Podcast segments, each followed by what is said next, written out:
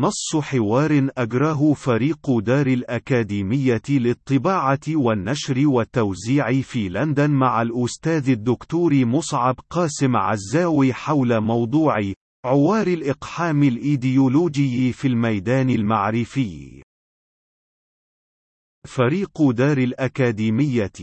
ما هي وجهة نظرك فيما يراه البعض في نهجك المعرفي والفكري من حمولة جذرية للعالم منبثقة من إدلوجية ثورية ماركسية؟ مصعب قاسم عزاوي أحاول الالتزام دائما بالابتعاد عن تقديم أي تصور أيديولوجي لما يجب أن تكون حال أي مجتمع عليه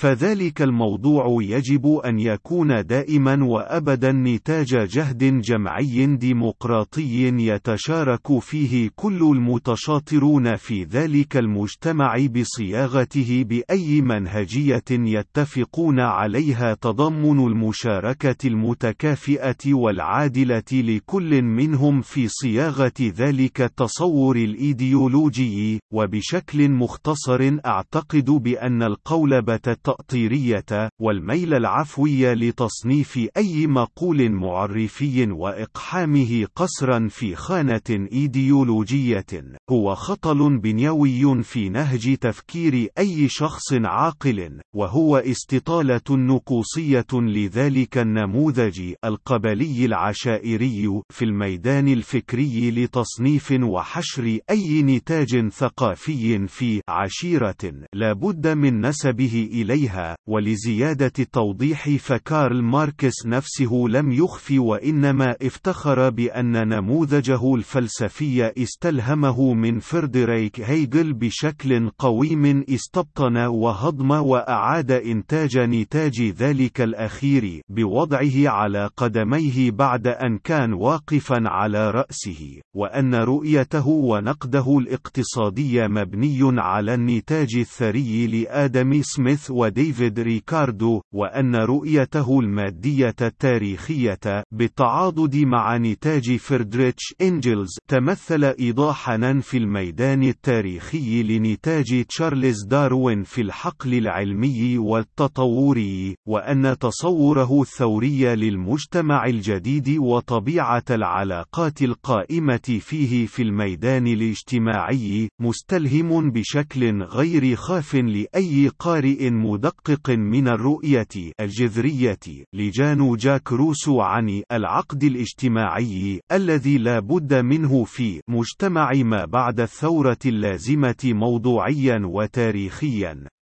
وفي الواقع ليس هناك انقطاع فكري في نتاج البشر في صيرورة تطورهم، إذ أن المعرفة البشرية هي سلسلة من التعاقب الإبداعي، والاستشراب العرفاني، والهضم الفكري، وإعادة الإنتاج المفهومي بشكل أكثر نضجا في كل مرحلة زمنية عن أي حقبة سالفة لها، ومن الناحية الشخصية، فإن لدى لدي حساسية تأقية متأصلة من كل ما يقترب من تصور كارل ماركس الجذري وإخراجه اللينيني الأكثر شيوعا عن تطبيق رؤيته لماهية ديكتاتورية البروليتاريا مجتمعيا والتي أظن بأنها تتناقض جوهريا ومنطقيا مع حق البشر جميعا في كل الحريات الأساسية دون أي قيد أو شرط يرى في جلهم قطيعا من الرعاع الجاهلين لا بد لهم من الاستلام والتسليم بطهرانية.